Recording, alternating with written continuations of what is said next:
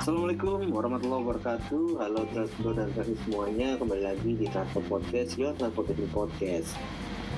Apa kabar nih Transport dan Transis Kembali lagi bersama uh, podcaster-podcaster dari Transport Kali ini ada gue Haikal Ada David Henok dan Azam uh, Dalam episode kali ini Kita mau ngomongin lagi soal perairan lah ya.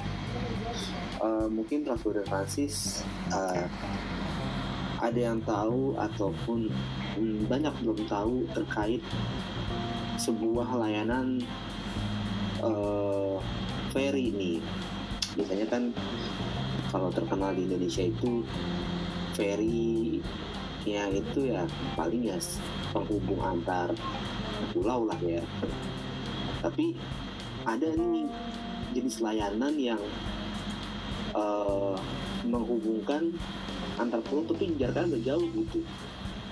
Namanya long distance ferry gitu. Um, nah kali ini sih uh, Rompor nggak sendirian. Kali kami berkolaborasi mengajak kembali nih dengan komunitas Roro Ferry Ship Spotter Indonesia atau rover.id Oke okay. kali ini sih um, diisi sama siapa nih? Ada bang siapa nih? Boleh say hi dulu dong. Halo untuk Transbo dan Transit juga para admin dari Transport Podcast Indonesia. Perkenalkan saya dengan uh, Adika selaku perwakilan dari komunitas uh, Foro Ferry Supporter Indonesia atau yang bisa disebut dengan Super ID. Oke, oke. Apa kabar nih Bang Dika? Kabar Alhamdulillah sedang baik-baik saja. Gimana nih setelah Ya nggak bebek. Ya nggak bebek Maida doang ya bang ya. Gimana? Nah, Selat Sunda tuh gimana kabarnya? Anteng atau ada apa gitu? Untuk Selat Sunda hari ini begitu baik ya. Oh, oke okay, oke. Okay. bang, kita mau ngomong-ngomong soal long distance ferry nih bang. Iya boleh. Dengar-dengar uh, long distance ferry itu kayaknya sekarang lagi lagi apa ya dibilang uh, mulai booming atau terkemukakan topiknya atau gimana kurang tahu ya. Tapi uh, betul. Uh, sebenarnya LDF tuh kalau boleh tahu gimana sih maksudnya tuh bang? Ya jadi untuk LDF atau uh, long distance ferry ini adalah layanan kapal feri dengan jarak uh, penyeberangan terjauh yang bisa ditempuh ya dengan waktu uh, beberapa jam bahkan juga uh, berhari-hari gitu. Nah, layanan lintas jarak jauh ini uh, juga merupakan uh, suatu upaya untuk mendukung uh, program pemerintah dalam meningkatkan uh, efisiensi uh, angkutan logistik yang bergerak di sektor uh, transportasi laut ya. Bang, uh, sebelumnya mau nanya dong bang, mengenai LDF ini bedanya LDF sama kayak penyeberangan biasa tuh perbedaannya di mana sih? Untuk perbedaan LDF dan penyeberangan ya, yeah. untuk LDF ini biasanya itu uh, bisa dari segi waktu ya. Ah, waktu, waktu. waktu. itu uh, kalau penyeberangan biasanya kan dia uh, patokannya kan bisa uh, sejam atau dua jam itu yang paling lama gitu ya. Betul. Tapi kalau untuk LDF ini uh, bisa sampai 7 jam, 10 jam, bahkan bisa sampai 24 jam hari itu. Dan kalau untuk LDF itu uh, untuk jumlah kapalnya sendiri itu berbeda sama penyeberangan. Jadi untuk LDF itu sangat sedikit ya dibandingkan dengan penyeberangan yang uh, jumlah armada itu bisa banyak gitu. Uh, tadi udah di spill nih mengenai waktunya tuh yang agak yeah. panjang dan juga memakan waktu yang lebih banyak lah. Nah, yeah. mungkin abang bisa jelasin nih rute-rute uh, apa sih yang dilayani sama long distance ferry ini? ya. Untuk rute ini ya, uh, kita flashback ke uh, terdahulu ya. Nah, sebenarnya untuk rute LDF ini dimulai sejak era 1980-an ya. Itu dibuka pertama kali uh, oleh PT Pelni, Bu- BUMN kita ya ya yang mengoperasikan LDF untuk pertama kalinya dengan ru- rute Jakarta Padang dan rute Jakarta Makassar. Eh, dengan Waktu itu menggunakan eh, waktu itu menggunakan KMP Tampomas 2. Masih tahu ya Tampomas 2 ya? tahu tahu Iya, tanpa Mars 2 yang tenggelam di Masa Lembo bukan sih? Mas Nah, Levo benar. Nah, nah, ketika terjadinya musibah eh, Tampomas 2 itu pada tahun 1981, layanan LDF ini eh, terhenti cukup lama hingga dekade tahun 1990-an. Itu. Nah, pada dekade itu, eh, pada dekade ini, eh, 1990-an ini, eh, LDF ini kembali dibuka oleh eh, PP Kalaline, eh, Prima Vista, terus eh, PT Lautan Utama, yang saat itu merintis rute LDF dari Pulau Jawa ke beberapa wilayah eh, Pulau Sumatera, Pulau Kalimantan, Pulau Sulawesi, dan Pulau Nusa Tenggara Tenggara Timur. Rute Ah, LDF ngomong-ngomong. eh, hmm? Oh ya, lanjut lanjut lanjut lanjut lanjut lanjut lanjut. ya jadi eh, rute LDF hingga saat ini mengalami pertumbuhan begitu besar ya Eh, jika dulu hanya hitungan jari kini ada beberapa perusahaan pelayanan ferry yang membuka layanan rute LDF dengan berbagai gitu ya, mungkin bisa dicontohkan seperti sekarang ini ada rute Surabaya Lembar terus dari Ketapang ke Lembar gitu ya Surabaya Labuan Bajo gitu. nah kayaknya nih David Henok nih mau nanya nih dari tadi nih monggo Nok nanya boleh boleh boleh Nah, eh, kan tadi Bang Dika sempat bilang nih soal long distance ferry itu kan eh pelayaran yang memakan waktu berhari-hari dan juga berjam-jam nih.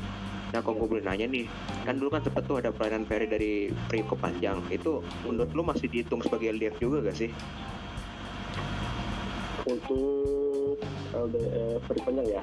Itu masih bisa disebut dengan LDF sih karena kan dia eh, waktu perjalanannya waktu itu yang sempat saya terima informasinya itu sekitar 10 sampai 12 jam ya.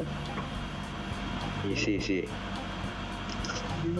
Tapi akhirnya berhenti ya gara-gara mungkin gara-gara apa kurang laku kurang laku rutenya ya masalah ya Kalau untuk pulang rakunya sih enggak. Jadi mungkin ada suatu problem ya antara uh, PPALP sendiri sama dengan uh, penyedia uh, jasa pelabuhannya gitu. Oke, nah tadi kan sempat juga nih singgung lu singgung soal eh, Roronya Pelni nih. Berarti Roro Pelni itu kan pertama kali itu adalah KP Tampom Tampomas berarti ya. Ya benar. Nah ini boleh nih sekedar trivia aja. Tampomas tuh lu semp- apa ferry dari mana dulu dulunya bang? Apakah kapal baru yang benar-benar dibayar oleh Pelni atau dulunya ada kapal bekas gitu bang? Ya untuk Sampomas 2 sendiri itu uh, sebenarnya kapal bekas ya yang dibeli Pelni dari pihak Jepang. Uh, sempat kontroversial juga pas ngedatengin uh, kapal itu mungkin dari harganya gitu kan yang katanya waktu itu terlalu mahal untuk harga kapal bekas gitu Oh iya, pada zaman itu ya. Tapi nih, gue boleh tahu gak sih bang mengenai Tampomas ya? Soalnya kan milenial sekarang kan belum tahu nih, eh Tampomas kayak Tampomas kayak mana kapalnya dulu? Kayak kapal pelut gak sih? Kan di operator PLN itu. Boleh gak sih nih apa lu lu mungkin spill nih, apakah di Indonesia sendiri atau di lain negara itu ada gak sih sister ship kayak Tampomas gitu bang? Ya, untuk sistem Tampomas itu saat ini masih uh, aktif ya di negara Yunani tepatnya itu masih aktif sampai sekarang. Oh ternyata di Yunani ya, bukan di Indonesia sendiri. Oke. Okay. Bang. Nah, eh. mungkin nih Azam mau, mau nanya nih. Halo Azam. Tadi menarik sih mengenai asal usul kapalnya. Ya pengen nanya sih bang. Jadi kan gimana ya ini akhir-akhir ini gue jadi shift spotter nih gara-gara emang bolak balik Sumatera Jawa itu kan yeah. kita tahu ya Selat Sunda kan kapalnya mungkin ada yang bekas Jepang ada yang dari Eropa juga. Nah kalau yeah, dari LDF ini yang sekarang nih uh, mungkin abang bisa jelasin nih rata-rata itu kapalnya X dari mana? Gitu sih. Oh iya. Untuk uh, kapal-kapal LDR sendiri rata-ratanya ya untuk saat ini itu X dari Jepang. Ya mungkin kita bisa tahu dari uh, kapal-kapal dari ALP dari kapal-kapalnya DLU gitu ya kan. Oh iya sih benar. Terus dari kapal-kapal uh, dari BLS itu kan rata-rata Jepang semua ya. Tapi ada juga uh, perusahaan LDS yang mendatangkan kapal yang baru yang baru buka dari pabriknya ya. Itu seperti DLN itu dari Cina itu. Itu dia baru bang. Baru baru dari pabriknya itu. Langsung uh, Oasis dan apa lagi tuh Oasis Nusantara. Oasis, lagi apa tuh kelembar uh, batu layar uh, sekarang ngelayanin rute apa bang? Yang mana nih? Yang baru itu. Nah, untuk uh, ke depannya nanti BLR ini berencana ya, baru rencana nih ya. Okay. Dia nggak mau ngebuka uh, rute Jakarta Belawan menggunakan uh, KMP BLN Nusantara. Oh, nggak sabar nunggunya. Joy, apa? Sus apa? substitusinya si Kelut yang nggak jelas jadwalnya. Aduh, benar ya. Dan mungkin semoga ya. ya. Uh. Ya, karena selama ini kan Roro itu kan kalau ke Belawan kan bawa mobil doang. Iya. Sekarang ada pilihan lagi melalui jalur laut. nah, terus nih bang. Juga lebih cepat ya. Iya. Saya dibilang iya. Baru mungkin ya. Ya, 70 eh 60 jam ya berapa ya kemarin terakhir itu tiga, tiga udah lama sih gue naik kapal ke Medan itu tiga hari ya sedengar gue soalnya hmm. sepiling gue tiga hari deh kelut Iya kalau dilihat dari kemarin iklannya sih dia berani untuk uh, kasih waktu itu dari Jakarta ke Belawan itu sekitar 60 jam. Cuma kita nggak tahu ya kalau misalnya nanti ada uh, apa sesuatu yang nggak bisa dia penuhi gitu kan mm -hmm. gitu atau juga dari kendalaan dari cuaca atau gimana kan oh ya ini? Terakhir nih apa? Katanya ada kapal baru datang nih. Apa Sunflower Cobalt bukan sih? Nah iya betul. Nah, nah itu jadi oh PTDU ini akhir-akhir ini ya uh, dia sudah mendatangkan sekitar tiga atau empat kapal baru. Dan yang, ter yang terakhir ini adalah uh, kapal Sunflower Cobalt ya itu merupakan uh, sisa-sisanya dari kapal yang kemarin terakhir diambil yaitu Dharma Kartika 2 gitu. Wah ini Emang ini kapal Jepang lumayan laku lah di Indonesia ya Kayaknya sih ya. nih Ya apalagi kan Jepang Apalagi Jepang cuy LDF-nya keren-keren cuy betul. Pokoknya Jepang tuh untuk masalah kapal-kapal itu dia ya worth it sih kalau walaupun bekas juga ya.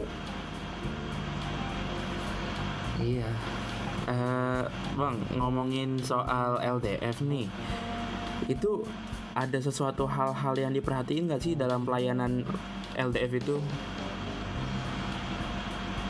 Ya untuk itu sih ada ya hal-hal yang diperhatikan dalam LDF uh, mungkin bisa diperhatikan dari aspek keselamatannya ya. Uh, si LDF ini apakah bisa menjamin keselamatan uh, dari pengguna jasa itu berangkat tapi apa gitu buat bagaimana uh, alat keselamatan kapal apakah lengkap dan berfungsi apakah kapal itu layak untuk berlayar dan apakah kapal itu diawaki oleh awak kapal yang profesional gitu ya biasanya itu emang udah pelayanan standarnya atau emang beda-beda bang? Biasanya untuk uh, pelayanan standar itu setiap perusahaan berbeda ya. Okay. Kayak ada perusahaan yang emang benar-benar uh, memberikan uh, fasilitas kenyamanan untuk penumpangnya juga ada perusahaan yang se apa kayak sebodoh gitu ya masa bodoh uh, yang penting gue dapat duit nih gitu kalau dari abang sendiri nih pernah nggak nyobain naik LDF untuk LDF belum sih saya belum pernah naik gitu ya. Cuman uh, pernah uh, dapat beberapa keluhan gitu dari penumpang uh, yang menggunakan jasa LDF gitu ya. Kayak fasilitas yang kurang terus uh, waktu tempuh kapal yang uh, lebih lama dari jadwal yang seharusnya gitu jadi penasaran sih pengen coba langsung naik LDF tuh kayak gimana pasti Transbro dan Transis juga ya penasaran mungkin dari David Hanok ada yang mau tanya lagi Nok nah, kan tadi kan sih Yazam nih udah udah nyinggung nih soal apa aja yang perlu diperhatikan nih dalam Betul. pelayanan apa pelayanan LDF ya. Nah, mungkin nih bang, lu boleh bisa mungkin nih lu bisa spill dikit kan nih apa pelayanan dari setiap operatornya tuh um, apa aja sih yang pelayanan yang dihadirkan setiap operator kapal dalam pelayanan apa dalam pelayanan long distance sendiri. Tuh, misalnya contohnya tuh dari PTA ada ini ini, ini terus ada dari PTB ada ini ini, ini gitu bang Hmm. Ini berdasarkan ini ya berdasarkan review dari teman-teman kawan progres aja ya.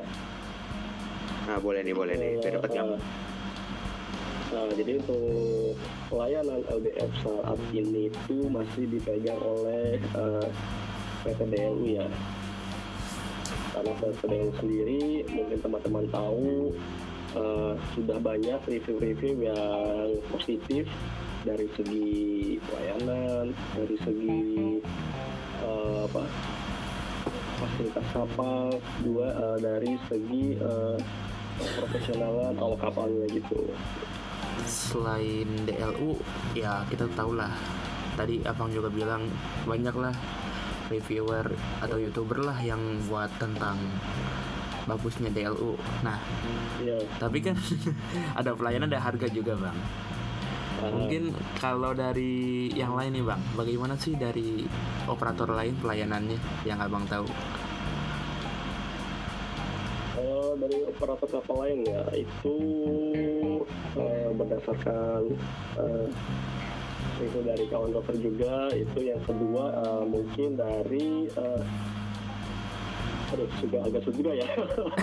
Enggak enggak, enggak uh, gimana ya supaya enggak? Uh, ini ini bukan ngebagusin uh, kerja sendiri gitu ya. Tapi uh, untuk PTAD yang kedua itu adalah dari PT Jumlah Ferry ya. Oh. untuk lintas untuk lintas ketapang lembar ya. Saat ini tuh uh, untuk pengguna jasa kapal lembar itu sudah memperparah memfavoritkan uh, KMP para Makaryani sebagai LDF yang mungkin uh, fasilitasnya yang bagus, bersih, nyaman, juga uh, memiliki waktu tempuh yang uh, lebih singkat gitu dari yang lainnya gitu.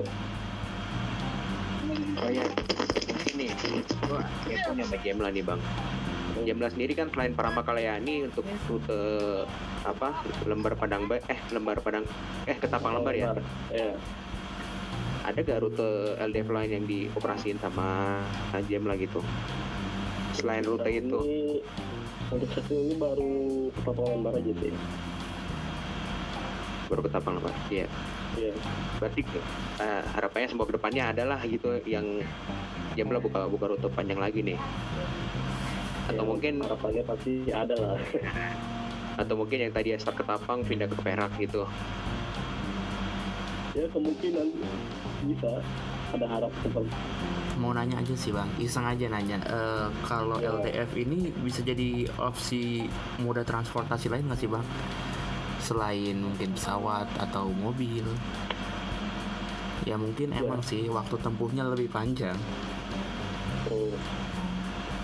Ya untuk LDF ini untuk sekarang ini ya itu merupakan pilihan opsi pilihan uh, lain bagi masyarakat yang ingin uh, berpergian ya. Iya. Terutama yang antar yang terutama yang antar pulau gitu kan.